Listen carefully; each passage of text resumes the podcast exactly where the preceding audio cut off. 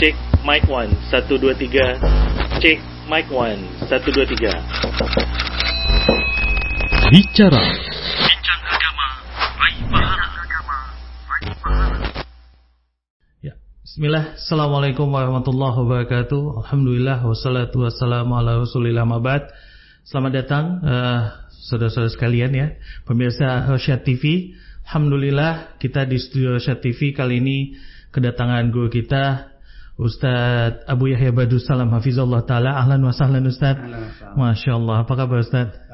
Alhamdulillah, Masya Allah Senang sekali di studio kali ini Kita bisa ketemu dengan Ustadz Dan insya Allah kita akan mendapatkan beberapa nasihat dari Ustadz dan ini memang ada pertanyaan nih Ustadz yang mau anda tanyakan boleh Ustadz ya izin Ustadz Masya Allah Ustadz jadi begini Ustadz uh, kita ini kan uh, sekarang ini memang lagi ada sebuah uh, fenomena bisa dibilang fenomena Ustadz uh, fenomena yang disebut hijrah gitu Ustadz Iya. hijrah dari orang yang dulu mungkin jauh dari agama tapi saat ini berusaha mendekatkan diri ke agama dan dengan semangat ini pula kadang yang awalnya dulu memang tidak pernah kenal dengan pengajian. Jadi dengan semangat hijrah dia ayo kita pengajian gitu Ustaz. Tapi kadang membingungkan Ustaz karena kalau kita datang ke pengajian ini dia mengajarkan yang lain. Ke pengajian yang ini akan mengajarkan yang lain pula dari pengajian sebelumnya. Yang ingin Anda tanyakan Ustaz, seharusnya seperti apa untuk kita-kita ini yang baru awal hijrah yang mungkin eh, ilmunya belum ada memilih guru itu seperti apa supaya nggak membingungkan Ustaz. Jadi jalannya satu gitu Ustaz. Ya. Boleh dikasih nasihat untuk kita Ustaz? Alhamdulillah wassalatu wassalamu ala Rasulillah. Tentu memang ini perkara yang sangat urgent sekali ya. Ya. Karena kalau kita salah guru pasti kita mengakibatkan salah di dalam beragama. Maka kalau kita ingin agama kita lurus dan benar, ya tentu kita harus mau tidak mau menyeleksi guru.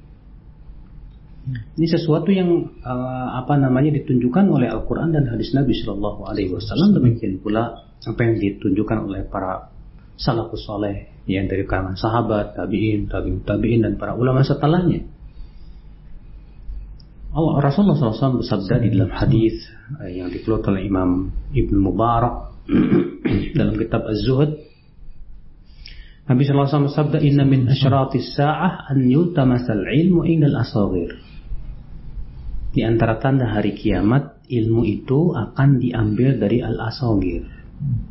Rasulullah mengabarkan bahwa ini tanda hari kiamat. Ilmu itu diambil dari al-asagir. Siapa itu al-asagir? Ini ada dua penafsiran para ulama. Penafsiran yang pertama yaitu penafsiran Abdullah bin Mubarak perawi hadis tersebut. Di mana beliau berkata al-asagir hum ahlul bidah. Mereka yaitu ahli bid'ah yang menyimpang. Ya dalam riwayat Nuaim mengatakan Abdullah Mubarak berkata mereka adalah orang yang alladzina yaquluna bi yaitu orang-orang yang suka bicara itu cuma pakai ra'yu aja. Ya.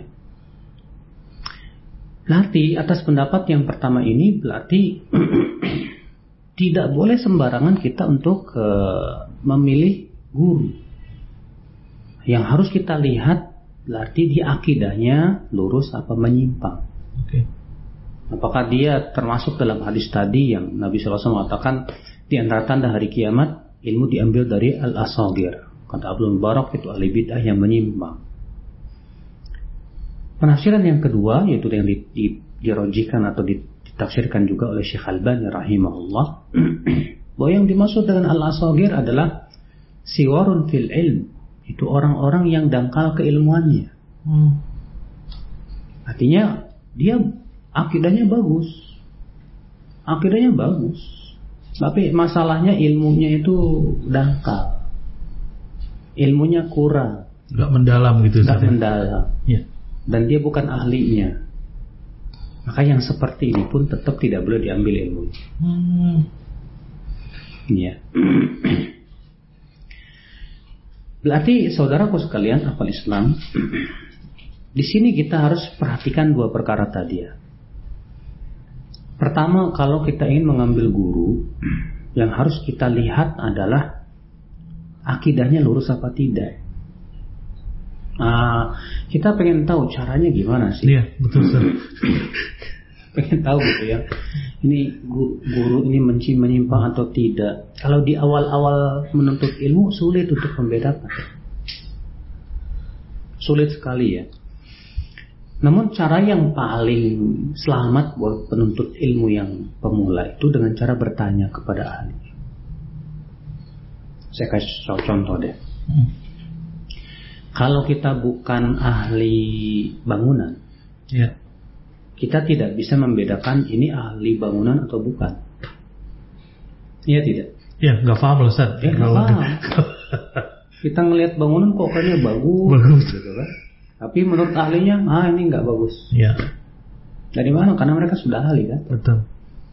Untuk mengetahui ini ahli atau bukan, dia ahli bangunan atau bukan, kita nanya ke siapa?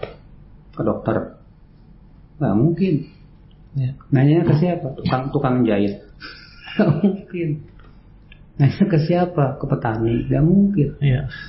berarti untuk mengetahui dia itu ahli bangunan ya kepada ahli bangunan lagi kita tanya kepada ahli bangunan pak menurut bapak dia ahli bang kalau menurut ahli bangunan mengatakan wow dia hebat bagus Nah kita bisa percaya. Kenapa? Yang bisa yang bicara ahli loh.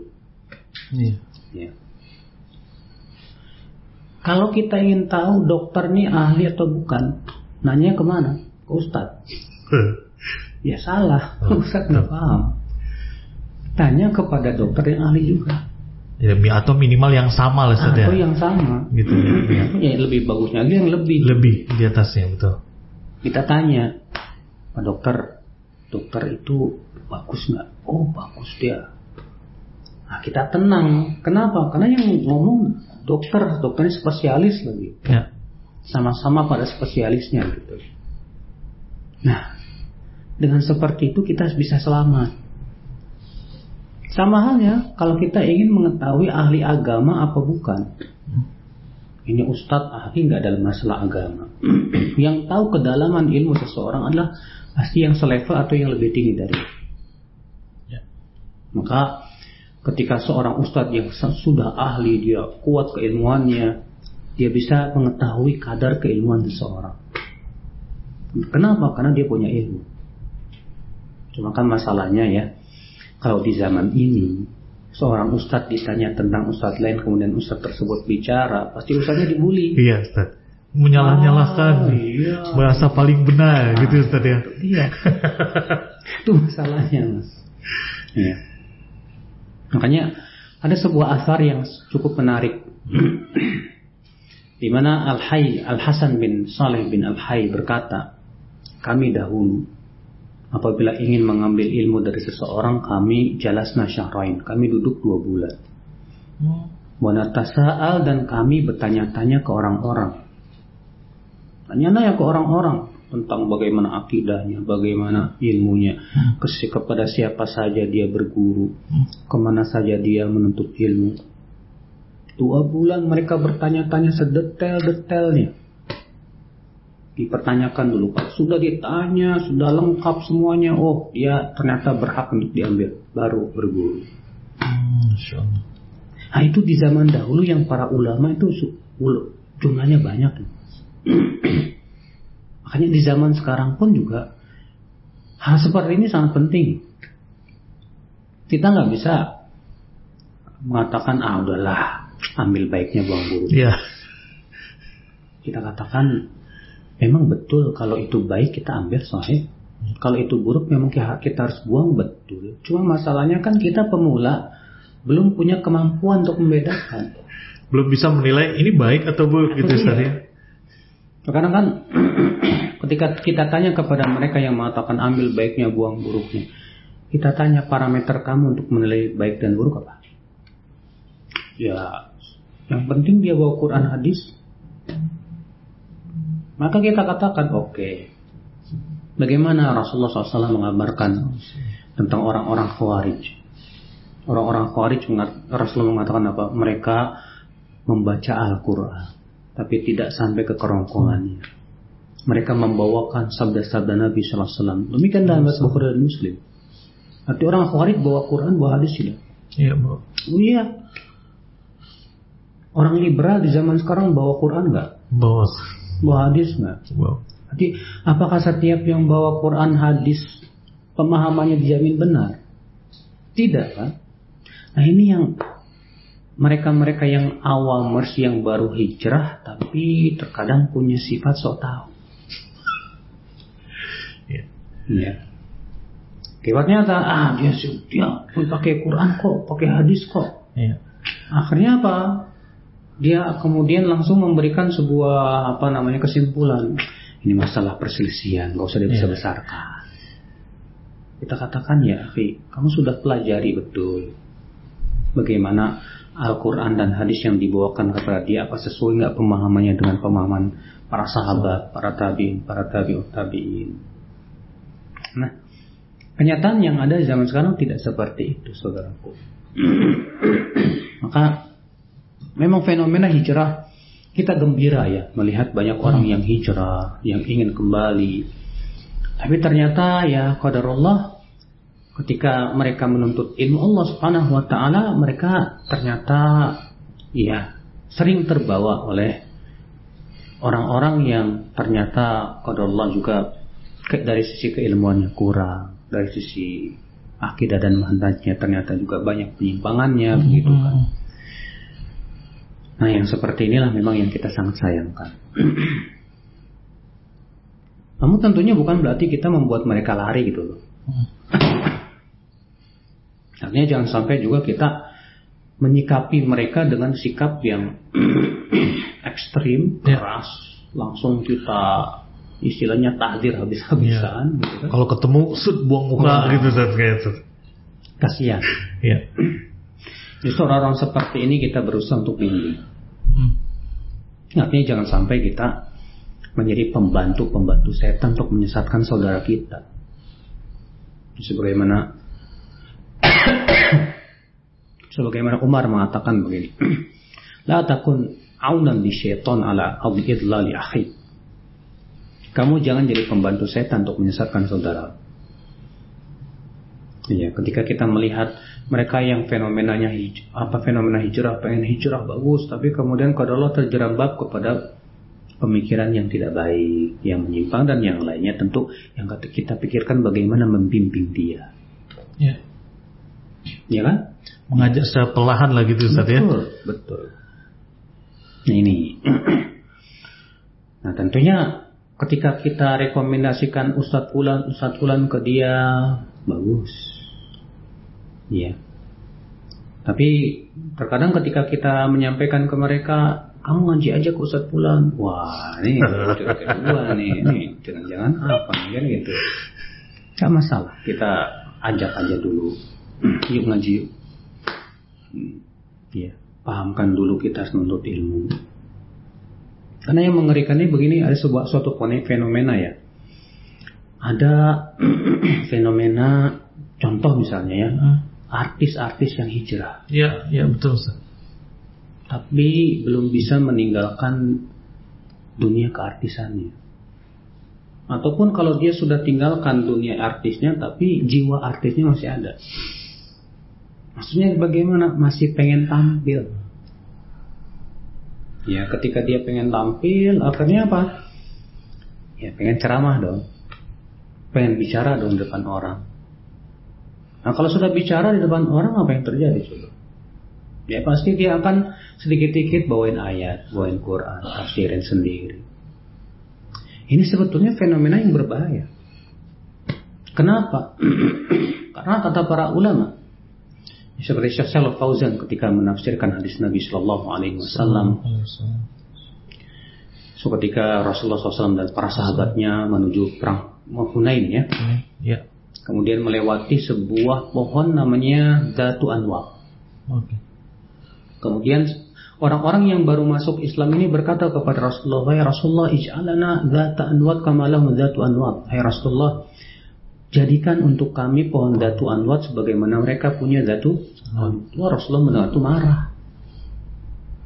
Kata Rasulullah, "Allahu Akbar, inna suhan kultum kama qalat Bani Israel li Musa." Kalian ini mengucapkan seperti yang diucapkan oleh Bani Israel kepada Musa, "Ij'alana ilahan kama lahum aliyah." Kata Syekh Saleh Fauzan, ini menunjukkan orang yang baru masuk Islam itu masih tersisa padanya benih-benih jahiliyah. Sisa-sisa Belum sebelumnya ya. Belum bersih. Maka dari itulah ya orang yang baru hijrah, orang yang baru masuk Islam, jangan kemudian langsung ceramah, langsung tampil. Kenapa? Ya pasti bekas-bekas pemikiran dahulu itu masih ada gitu. Yang seharusnya dicuci dulu. yang seharusnya dia dibersihkan dulu. Dengan cara menuntut ilmu kokoh dulu kokohkan dulu keilmuannya. Belajar bahasa Arab belajar fikih belajar hadis dan yang lainnya. Sehingga kalau dia sudah mulai sudah kokoh keilmuannya silakan dia berbicara tentang din. Adapun belum belum apa-apa.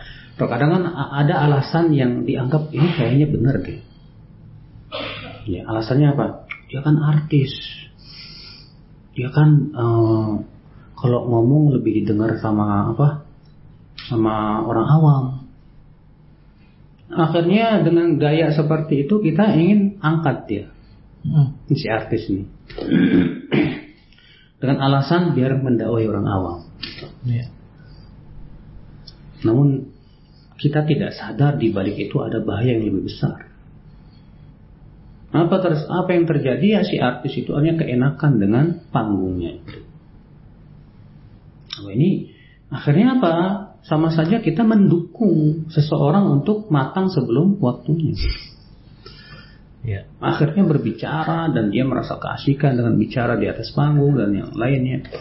Akhirnya membuat cara dakwah sendiri yang menurut mereka ini ya yang terpenting bisa menarik orang awam tanpa melihat apakah itu dakwah. Cara dakwahnya sesuai dengan apa namanya dakwah para nabi atau tidak. Ini yang dikhawatirkan. Masya Allah. Ya Ustaz. itulah memang fenomena di zaman sekarang iya oleh karena itulah penting sekali ya. Untuk selalu kita tanamkan kepada mereka-mereka yang baru hijrah itu hati-hati. Nggak masalah kita memilih dan memilah guru untuk keselamatan agama kita di awal-awal menuntut ilmu. Kenapa? Karena itu untuk keselamatan kita. Makanya Abdullah bin Umar berkata apa? Dinaka, dinaka. Innama huwa damuka wa lahmuka. Khud anil ladina istaqamu wa la ta'khud anil ladina ma. Agamamu, agamamu. Jaga oleh kamu. Karena ia adalah darah daging. Ambil dari orang yang lurus dan jangan ambil dari orang yang menyimpang. Ya Abdullah bin Umar mengatakan demikian. Muhammad bin Sirin, Abdullah bin Mubarak juga berkata diriwayatkan dari Muhammad bin Sirin, "Inna hadzal ilma dinun." Agama ini ilmu ini agamamu. Fanzuru amman ta'khuduna dinakum. Lihat oleh kamu dari siapa kamu mengambil agama kamu. Lihat. Makanya Imam Al-Barbahari dalam kitab Syarh Sunnah memberikan kepada kita jauh-jauh hari sudah memberikan sebuah kepada kita sebuah kaidah luar biasa. Kata beliau, "Fanzur rahimakallah kulla man sami'ta kalamahu min ahli zaman." Lihat oleh kamu, semoga Allah merahmati kamu, setiap orang yang kamu dengarkan dia bicara tentang agama di zamanmu itu. La ta'jalan, kamu jangan tergesa-gesa. Hatta tanzura fi sampai kamu periksa dulu. Kalama fi ahadu min sahabat, ada enggak sahabat terdahulu yang mendahului pemahaman dia? Wa in wajadta fi atharan, kalau kamu sudah mendapatkan ternyata ada asal dari sahabat, pegang. Baik Kalau Ustaz. tidak ada satupun sahabat yang memahami demikian, wah. Ya. Nah, wah kalau bicara mas ini panjang. Panjang Ustaz. Tapi nggak apa-apa, Ustaz. Tapi kesimpulan kita dapat berarti memang kita harus hati-hati dalam memilih Ustaz ya. Betul. Tidak cuma masalah Al-Quran dan hadis saja, tapi pemahamannya juga memang harus kita Betul. uh, perhatikan ya Ustaz ya. Supaya hijrahnya juga maksimal dan memang kalau memang kita belum punya ilmu, ya udah kita jauh dulu dari panggung, kokohkan dulu gitu ya Ustaz ya. Ah, betul. supaya tidak bicara tanpa ilmu. Sahih. Baik Ustaz, Jazakallah khair Ustaz. Jazakallah khair. Ustaz dan Barakallahu Fik. Baik pemirsa Syah TV, itu dia tadi sedikit faedah dari guru kita Ustadz Badrus Salam Hafizullah Ta'ala. Dan demikian dulu uh, faidah singkat kita hari ini. Kita tutup dengan doa kafaratul majlis. Subhanallah bihamdik syadu la ilaha illa anta astaghfiruka wa atubu ilaik Assalamualaikum warahmatullahi wabarakatuh. Assalamualaikum warahmatullahi wabarakatuh